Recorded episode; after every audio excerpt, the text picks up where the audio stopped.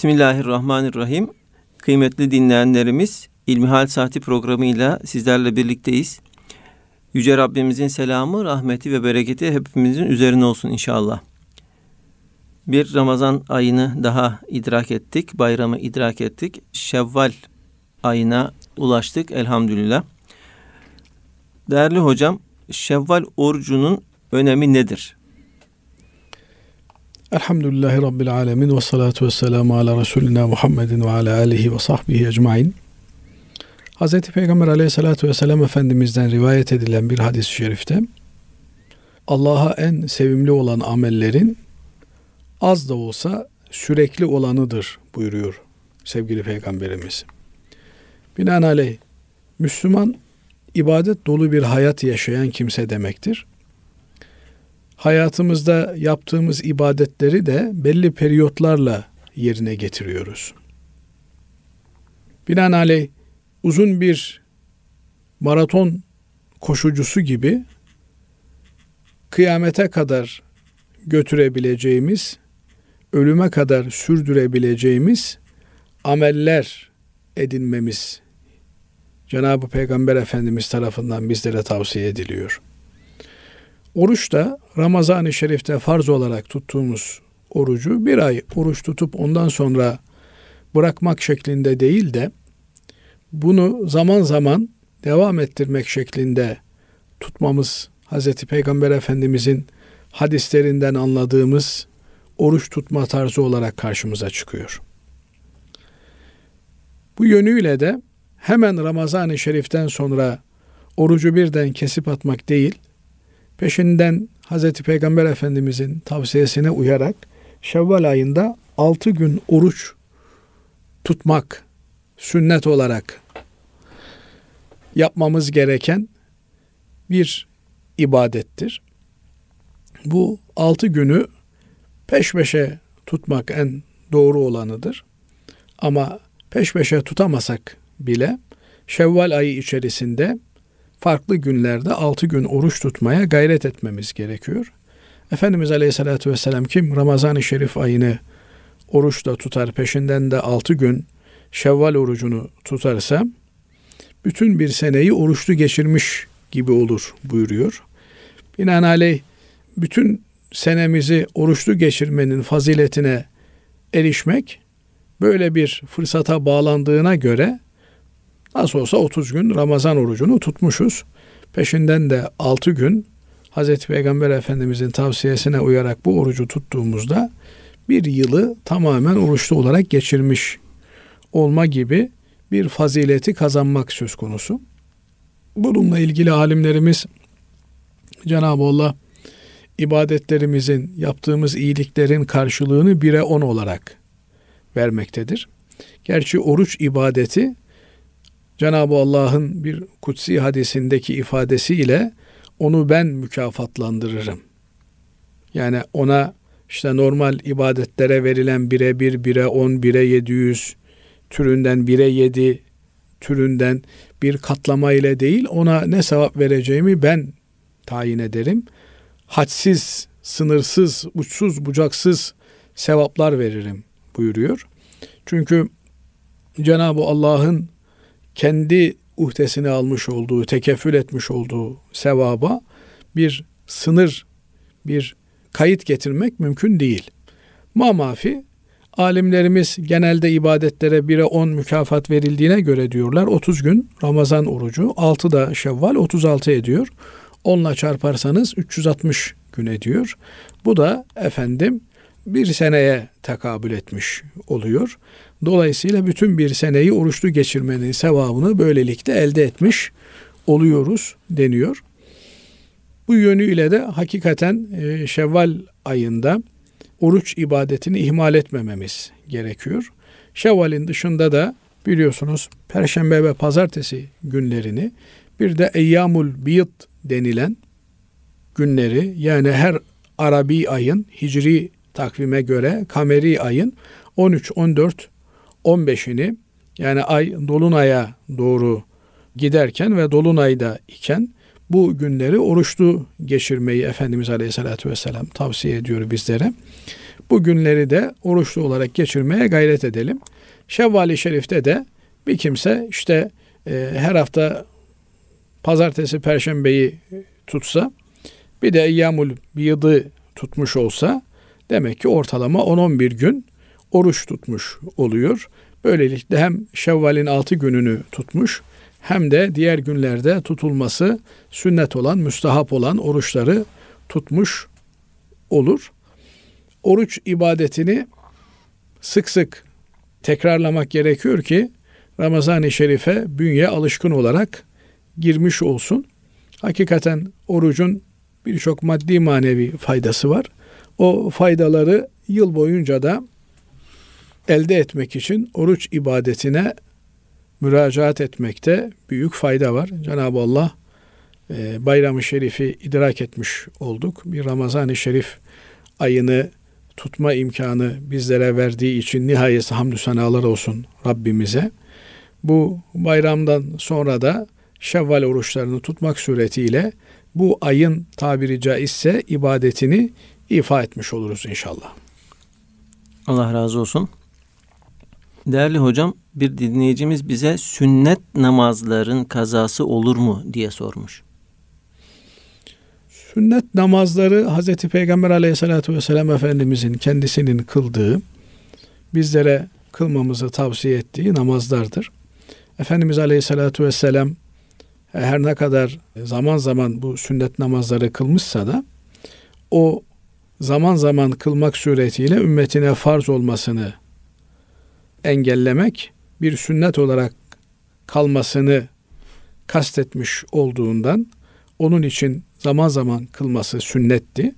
Ama bizim için zaman zaman kılmak mı sünnettir? Hayır. Bizim için sünnet namazlarını her daim kılmak sünnettir. Sünnet namazlarını kılmaya gayret etmek gerekiyor. Ama insanlık hali bazen kaçırmış olabiliriz. Sıkışmış bir vakte denk gelmiş olabilir. Sünnet namazlarının kazası var mıdır? E, alimlerimiz vakit içerisinde sünnet namazların kazasının olabileceğini söylerler.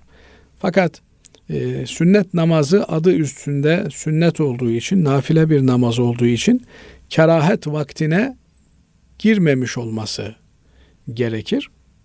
Bir başka e, mesele de bu meseleyi biraz açacağız ama öncelikle şunu ifade edelim. Bir namaz farz namaz kazaya kalmışsa onu sünnetiyle beraber kaza etmek mümkündür. Ama asıl olan farzı kaza etmektir. Fakat sırasıyla konuşacak olursak sabah namazı güne ilk başladığımız namazdır. Sabah namazının iki rekat sünneti peşinden de iki rekat farzı vardır. Sabah namazı imsakla beraber girer. İmsakla beraber vakit girdiği için farz namaza kadar sadece sünnet olarak iki rekat namaz kılınabilir. Bu iki rekat namazı kısa sürelerle kılmak tavsiye edilmiştir. Uzun sürelerle de bir kimse kılabilir. Bu vakit özellikle istiğfar vaktidir. Seher vakti olması hasebiyle istiğfarın Allah'tan bağışlanmanın, affın talep edileceği, dileneceği bir vakittir.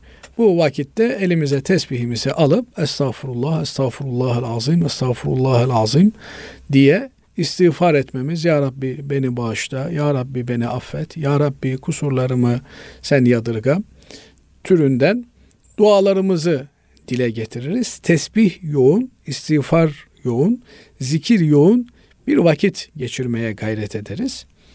Niçin?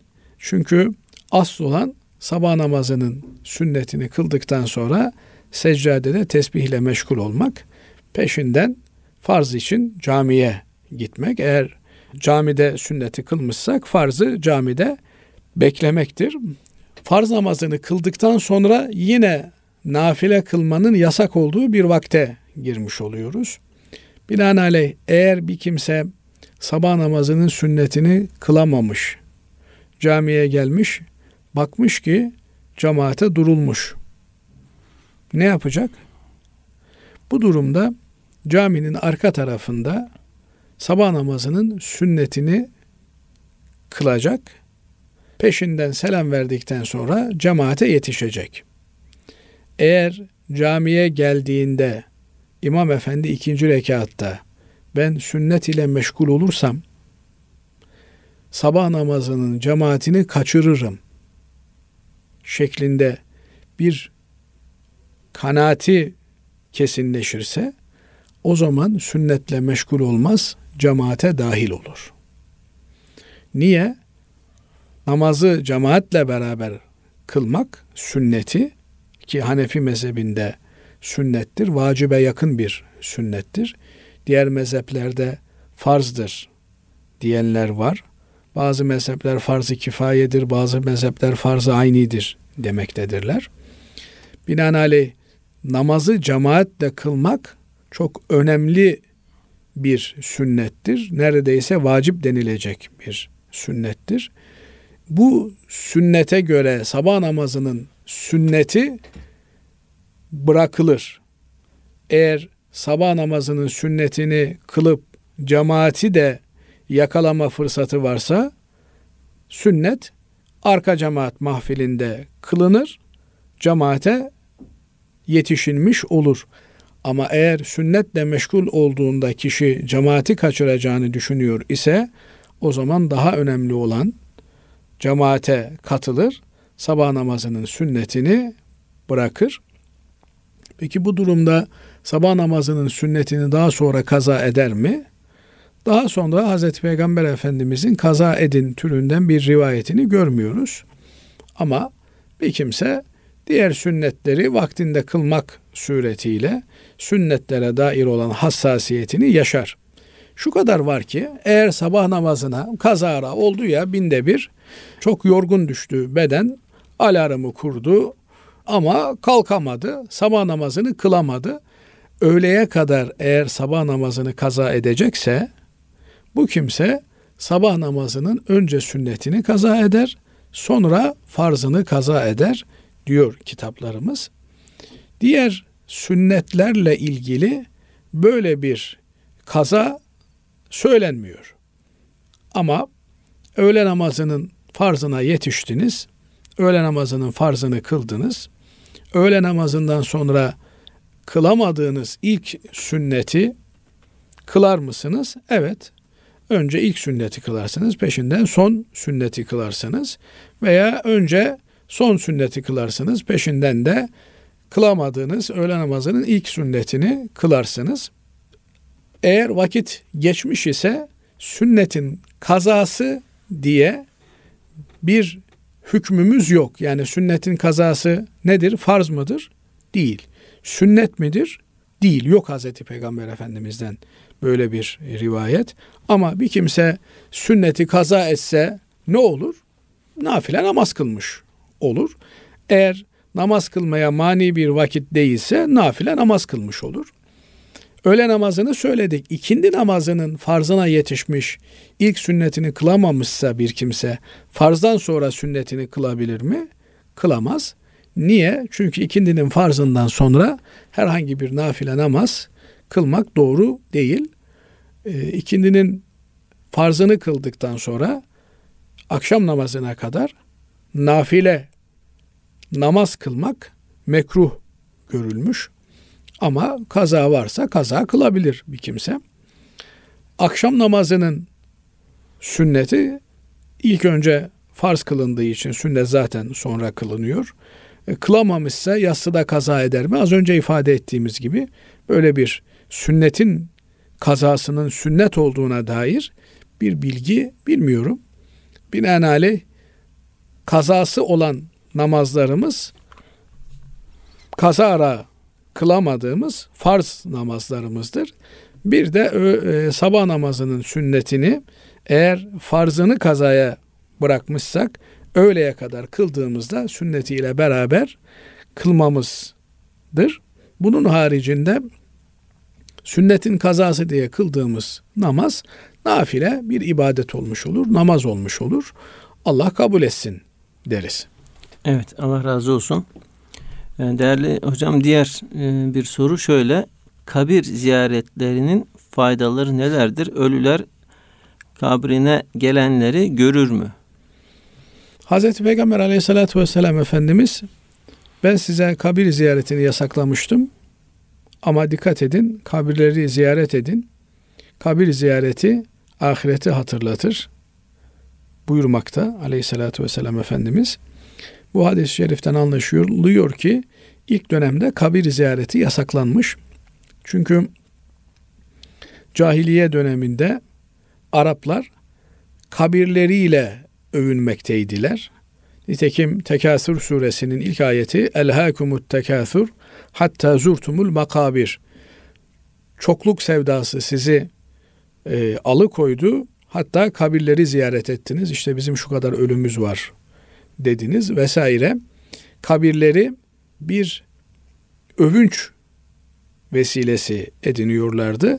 Kabirlerdeki yatanların çokluğunu da kendi çokluklarına katarak böylelikle bir gösteriş anlayışını egemen kılmışlardı cahiliye Arapları.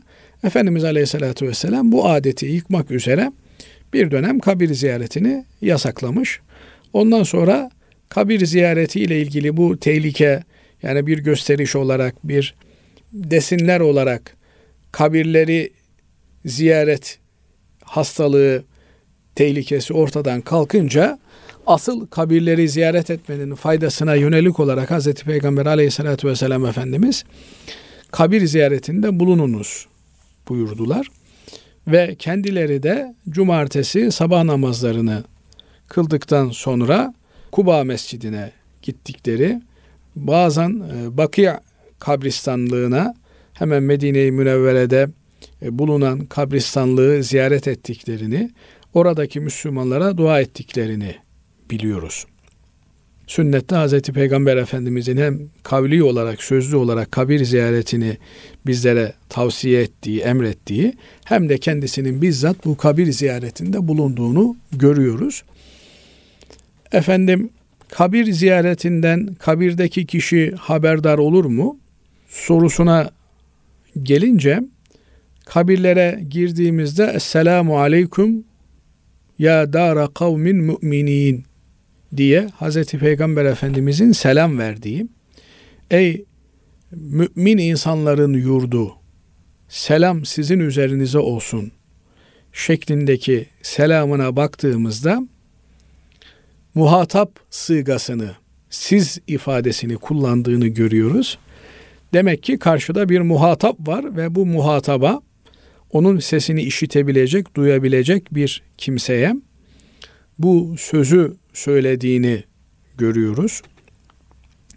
Nitekim Hz. Peygamber aleyhissalatü vesselam Efendimiz müteaddit hadislerinde e, kabirdeki ölülerin yukarıda cereyan eden olaylarla ilgili hissiyatlarını dile getirdiğini görüyoruz. Bunun anlamı kabirde yatan ölünün bedeni, cesedi toprağa verilmekte, teni toprağa verilmekte ama ruh o toprakla sınırlı değil.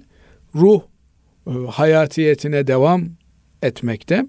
Canlılığı ruhun devam etmekte ve toprağın üstündekilerle iletişime geçebilmekte. Fakat bu iletişim tek taraflı bir iletişim olmakta. Onların biz sesini duymuyoruz. Onların feryadu figanlarını veya sevinçlerini hissedemiyoruz. Hissedebilmek için e, onlarla aynı frekansı kullanmamız gerekiyor. E, mesela basit bir misal verecek olursak dışarıya çıktığımızda hatta kapalı bir ortamda olduğumuzda çevremizde etrafımızda yüzlerce ses dalgası milyonlarca ses dalgası var ama biz onları duyamıyoruz onları hissetmiyoruz bile fakat bir radyo olduğunda o radyo dalgaları alıp sese çeviriyor ve biz bu suretle o ses dalgalarını anlayabileceğimiz, idrak edebileceğimiz seviyeye geldiği için hissedebiliyoruz. Fakat yine uzmanlar diyorlar ki belli bir desibelin altını ve üstünü işitme imkanına sahip değiliz. Yani bizim kulak yapımız, bizim fizyolojik yapımız her e, dalgayı almaya müsait değil. Her frekansı kavrayamıyoruz. Binaenaleyh ruh alemi tek taraflı iletişime geçiyor ama o iletişim frekansına bir sahip olmadığımız için onlarla bu iletişimi kuramıyoruz. Ha bu iletişim frekansına sahip olanlar olabilir mi? Olabilir. Olabilir. Nasıl olabilir?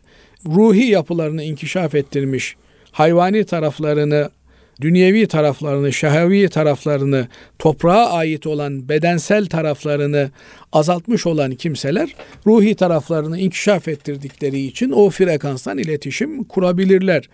Ama kurdukları bu iletişim de zayıf bir iletişimdir. Çok güçlü bir iletişim değil, anlık gelip giden bir iletişimdir.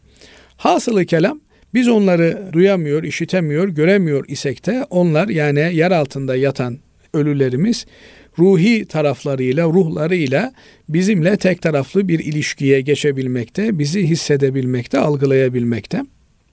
Nitekim bir hadis-i şerifte e, ölülerinizi acele olarak gömünüz eğer iyi insanlarsa bir an önce Allah'ın nimetlerine kavuşmayı, kötü kimselerse beni nereye götürüyorsunuz diye feryat ederler. Evet. Binaenaleyh e, yukarıdaki ziyareti ve duayı hissederler, algılarlar. Peki kabir ziyareti daha oradaki ölülerin idrak edebilmesi, anlayabilmesi için daha mı uygundur yoksa uzaktan da selam göndersek, efendim uzaktan da dua etsek ulaşır mı? Elbette uzaktan da bir hediye gönderseniz kargoyla ulaşır. Ama e, bir kimsenin daimi ikametgahına bizzat gidip ziyaret etmek ayrı bir güzelliktir, ayrı bir nezakettir. E, nitekim e, ruhların cesetleriyle bir tür ilişkisi devam etmektedir. Binaenaleyh mezara gömülen mevta ölü beden olarak ceset olarak mezardadır. Fakat ruhu ruhlar alemine yükselmiştir. Fakat kendisini ziyarete gelen biri söz konusu olduğunda bir tür mezarla, mezardaki cesetle irtibatı devam ettiği için e, ondan haberdar olmakta, kendisine selam verenin selamını alabilmektedir. Niye? Çünkü hadis-i şeriflerden öğreniyoruz ki insanın bütün vücudu toprağa karıştığı halde şehitler, peygamberler bunların vücutlarını toprak yemiyor ama normal sıradan insanların vücutlarını toprak yiyor. Şöyle bir şey de tabii söz konusu değil. İşte birini gömdük, 3 e, sene 5 sene sonra açtık baktık ki işte kemiklerinden hariç her şeyi toprağa karışmış. Ha demek ki böyle veli meli biri değildi. Toprak bak bunu yemiş. Bu türden bir düşünce de yanlış bir düşünce olur. Cenab-ı Allah dilediği bedeni muhafaza eder. Nitekim Firavun'un cesedini denizlerin altında muhafaza etmiş. Bi bedenike li tekune limen halfeke aye. Seni bedeninle muhafaza edeceğiz ki senden sonrakilere bir ayet, bir alamet, bir mucize olarak kalasın demiş. İşte bugün bilmem nerede bir müzede e, bu e, ceset sergileniyor. Yani çok makbul insan olduğu için mi e, cesede muhafaza oldu? İşte ne bileyim işte geçenlerde Ardahan'da Kars'ta bir yerde Rus savaşından kalma bir ceset evet. bozulmamış olarak kalmış.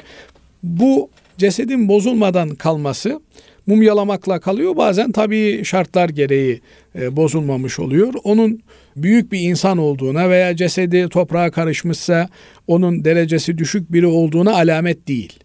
Ama e, hadis-i şeriflerde şehitlerin hayatiyetlerini devam ettirdiği söyleniyor.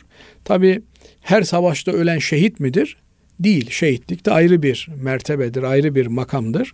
Allah'ın dinini galip kılmak için, Allah'ın şeriatını egemen kılmak için verilen bir savaşta e, namusunu, ırzını, vatanını muhafaza için verilen bir savaşta samimi olarak e, ölen bir Müslüman şehittir.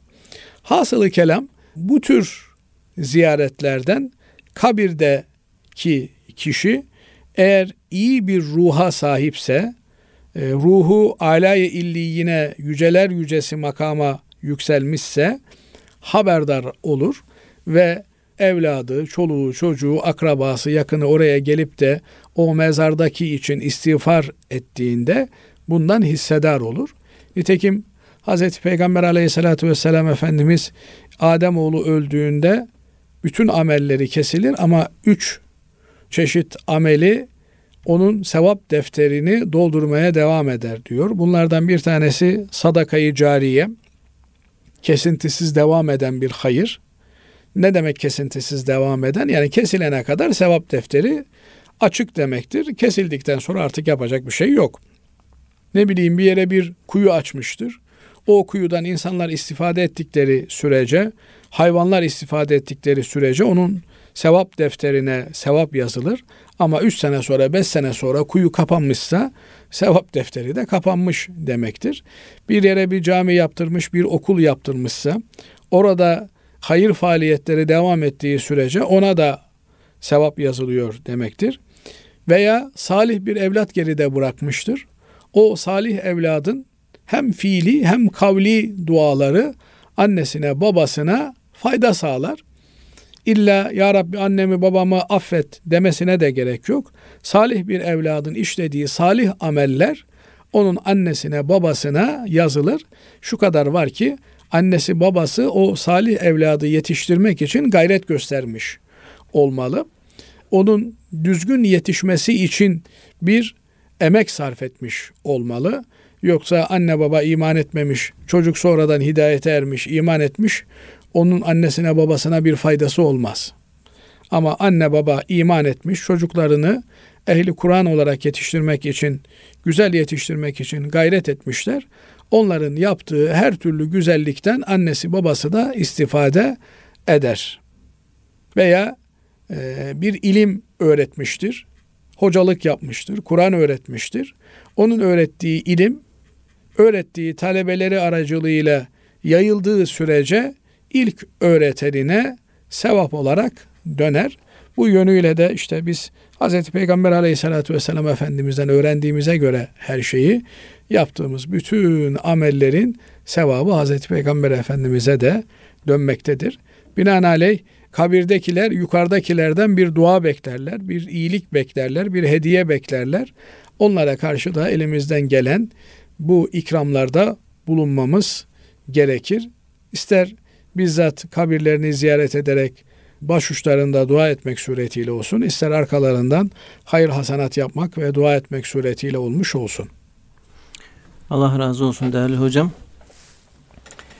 Diğer bir soru bize ulaşan şöyle. Cehennemden çıkış var mıdır? Günah işleyen müminler cehennemde ebedi mi kalacak yoksa cezaları bittikten sonra cennete girebilecekler mi?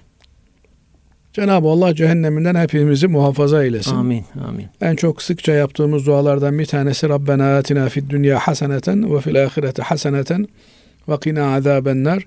Ya Rabbi dünyada güzellik, ahirette bize güzellikler ver, haseneler ver ve bizi cehennem azabından koru, muhafaza eyle. Cenab-ı Allah mümin kullarını çeşitli bahanelerle affeder. Onların küçük amellerini büyüterek affeder ve onları cennetine kor. Nitekim ayeti kerimede inna Allah la yaghfiru en yushreke bihi ve yaghfiru ma dune zalike limen yasha. Allah kendisine şirk koşulmasını affetmez. Onun haricindeki günahları kullarından dilediğine bağışlar buyurulmaktadır. Şirk haricinde binaenaleyh kulun işlediği bütün günahların affolunma imkanı vardır, potansiyeli vardır. Fakat bunun için şirk kokusunun olmaması gerekir. Eğer bir günahta şirk kokusu varsa, kibir kokusu varsa, kibir ne demek? Ya Rabbi sen de varsın ama ben de varım diye insanın kendinde bir varlık, bir büyüklük görmesidir. Bu tür bir günah söz konusu olduğunda Cenab-ı Allah bunu cehennem azabıyla cezalandırıyor. Fakat her ne kadar büyük günah işlemiş olursa da olsun bir Müslüman eğer zerre miktarı iman taşıyorsa ki bunun anlamı işte kardeşim Allah da vardır, o da haktır, bu da haktır diye böyle diyalogçuların da dediği gibi işte bak burada da adamın zerre miktarı bir imanı var anlamında bir iman değil bu. Yani onun Allah'a olan imanı yapmış olduğu kötülüklerle dengelendiğinde bir zerre miktarı bile ağır basıyorsa muhakkak yani amel cihetiyle kötülükleri ve iyiliklerinde imani iyiliği kötülüklerine zerre miktarı ağır basıyorsa o zaman bu kimse cehennemden kurtulacak, cennete kavuşacak demektir. Niye? Çünkü Hz. Peygamber aleyhissalatü vesselam Efendimiz öyle haber veriyor. Cennete en son girecek kimseyi bizlere anlatıyor.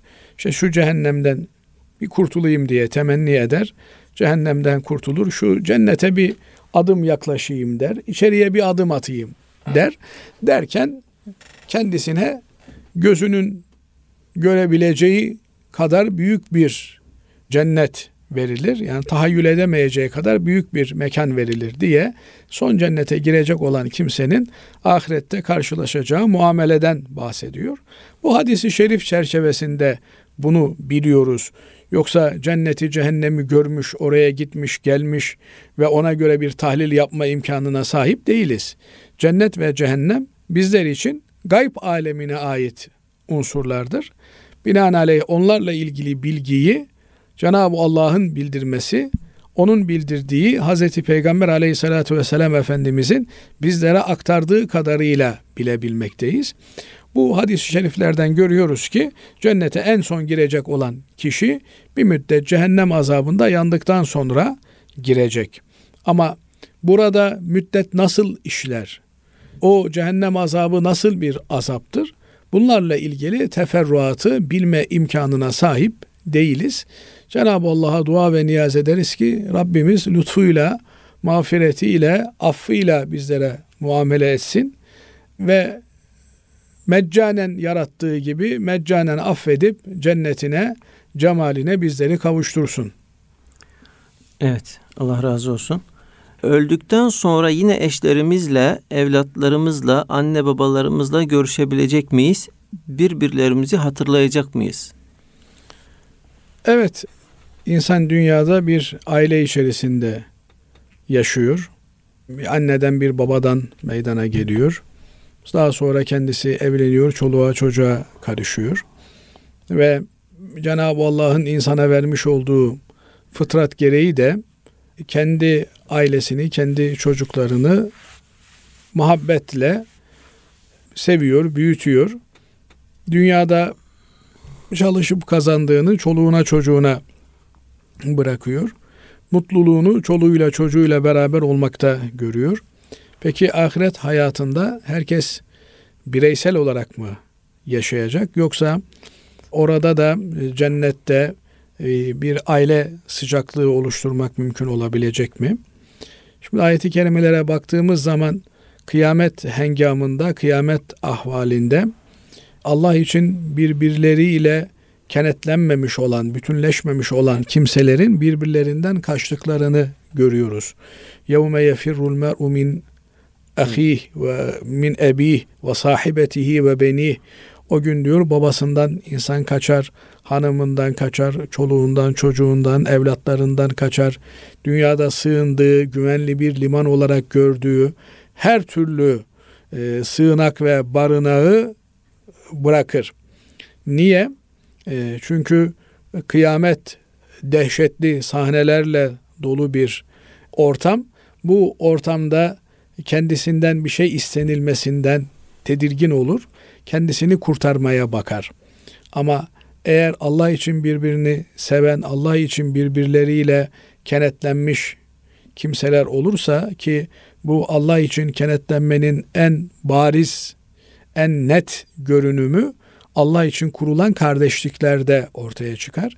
Çünkü insan annesini, babasını, evladını seçme imkanına, hakkına sahip değil. Bakarsınız çok iyi bir anne baba ama çocuğuyla taban tabana zıt. Veya bakarsınız çocuk çok iyi bir çocuk ama anne baba çok farklı dünyaların insanı. Binaenaleyh insanın annesini, babasını, evladını seçme imkanı yok. Kardeşini seçme imkanı yok. Ama din kardeşini seçme imkanı var. Binaenaleyh o seçim eğer Allah rızasına dayalı bir seçimse Allah rızası için bir araya gelmişler. Yine aynı rıza ile ayrılmışlar. Böyle dostluklar kurmuş iki kimse ahirette birbirlerine fedakarlık yapabilecek insanlardır. Hasılı kelam o dehşetli günde birbirlerinden kaçan insanlar iman cihetiyle problemleri olan insanlardır. Ama eğer imanları varsa o zaman Cenab-ı Allah buyuruyor ki Tur suresinde Estağfirullah vellezine amenu vettebaatuhum zurriyetuhum bi iman. İman edenler ve peşlerinden gelen zürriyetleri de imanla onlara tabi olmuş, onları devam ettirmiş iseler elhakna bihim zürriyetehum. Onların zürriyetlerini, nesillerini onlara katarız, onlara ilhak ederiz. Onlarla beraber aynı nimetlere onları koyarız. Buradan anlaşılıyor ki eğer bir kimse ahirete imanla gitmiş, geride bıraktığı çoluğu çocuğu da imanla yaşamış ve imanla göç etmişlerse o zaman bu çocuklar annelerinin, babalarının, e, atalarının nail oldukları, kavuştukları nimetlere alınırlar, yükseltilirler. Çünkü özellikle sevgi aşağı doğru gider deniyor. Bir annenin babanın huzurlu olabilmesi evlatlarının huzurlu olmasından geçer. Evlendirse ev bark sahibi yapsa da eğer çocukları huzursuz ise anne babanın da huzursuz ve tedirgin olduğu görülür. Binaenaleyh cennette bile annenin babanın huzurlu kalabilmesi için evlatlarının yanlarında olmalarını isterler. Cenab-ı Allah da bunu anne babanın imanla ahirete göçmesi, ardından gelenlerinin de imanla göçmeleri halinde elhakna bihim zürriyetehum onların nesillerini onlara katarız diyor. Ve ma eletna min amelihim min şey onların amellerinden de bir şey eksiltmeyiz. Yani yüz sevabı on kişiye bölüştürmüyor Cenab-ı Allah. Herkese yüz sevap veriyor. Dolayısıyla birinci derece, birinci mevkide cennette bir makam verilmişse söz gelimi işte anneye babaya e, çocuklarının mevkisi de diyelim ki normal şartlarda beşinci mevki teşbih olsun diye söylüyorum yoksa öyle bir şey olduğundan değil. E, ortalama üçüncü mevkiye Cenab-ı Allah buluşturmuyor. Ya e, mevkisi düşük olanları mevkisi yüksek olanlara katıyor. Peki e, burada anne babalar çoluk çocuklarıyla beraber cennete bir makama mevkiye çekilecekler. E, öyleyse biz hepimiz Adem'in çocuklarıyız. Hepimiz Adem'le beraber aleyhissalatu vesselam aynı makamda bulunacağız? Burada alimlerimiz farklı izahlarda bulunmuşlar. Kimileri demişler ki evlendikten sonra çoluk çocuğa karıştıktan sonra artık bağımsız bir kişilik haline gelmiştir. Binaenaleyh evlendikten sonra o kendi çoluğuyla çocuğuyla kendi makamında e, bulunacaktır. Fakat Allahu alem gönüle düşen şu ki insanlar üst soylarında da eğer salih bir kimse varsa onlarla beraber aradaki bağ kopmadığı sürece. Yani diyelim ki benim babam, babamın babası, babamın babasının babasının babasının babası hep iman etmiş, salih amel işlemiş kimselerse eh, biz onlarla beraber inşallah bir yerde bulunacağız. Ama oradan yukarıda eğer e, iman etmemiş bir kimse varsa bağ koptu demektir. Binaenaleyh iman şartı teselsül ettiği, zincirleme olarak devam ettiği sürece bu kimseler cennette aynı makamı, aynı mevkiyi paylaşacaklar Allah'ın lütfu keremiyle demektir. Bir başka yorumda tabi e, şu konuşuluyor burada söyleniyor. Birbirlerini tanıyan kimseler. Yani diyelim ki ben dedemi tanıyorum. E babamı tanıyorum ama dedemin babasını tanımıyorum. Zaten dedemin babasını dedem de tanımıyordu. E, bir yaşındayken vefat etmiş. Binaenaleyh burada birbirlerini tanıyan kimseler bir arada bulunacaklar veya birbirlerini görmek isteyen, onlarla beraber olmak isteyenler bir arada bulunacaklar. Hasılı kelam Cenab-ı Allah cennette herkese arzuladığını, dilediğini lehum fiha ma yeşaun ve ledeyna mezid diyor. Onlar için orada diledikleri vardır. Bir de üstüne üstelik biz ziyadesini vereceğiz diyor. Yani insanın aklına gelmeyen güzellikler var. Onları da biz tamamlayacağız diyor Cenab-ı Allah. Nedir o? Cemalullah'ı seyretmek. Cenab-ı Allah'ı görme şerefine nail olmak. Cenab-ı Allah dünyada da ahirette de ehli imanla beraber haşretsin. Ehli imanla beraber olmayı nasip eylesin. Şimdi buradan anlaşılıyor ki demek yani dünyada sevdiğimiz çocuklarımız asgari imanla göç ederlerse ahirette onlarla beraber olma imkanına sahibiz. Demek ki ahirette de onlarla beraber olmak istiyorsak onların imanlı birer birey olarak yetişmelerine gayret etmemiz lazım. Aksi halde ahirette cennete girme imkanı iman biletine verilmiş. Eğer o biletten yoksa e, içeriye giremiyor ki yanına alasın. Yani içeriye bir girecek ki Evet. orada yanına alabilesin. Hani bazen torpil yaparken denilir ya ya sen işte filan şehre gel oradan biz seni istediğin yere tayin ederiz filan diye. Yani sen bir cennete gel orada seni biz yanımıza alırız diyecek ama cennete girebilmesi için iman etmiş olması lazım.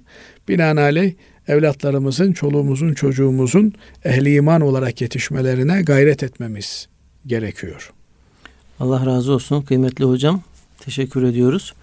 Değerli dinleyenlerimiz İlmihal Saati programımız burada sona eriyor. Hepinizi Allah'a emanet ediyoruz efendim. Hoşçakalın. Tekrar görüşmek üzere.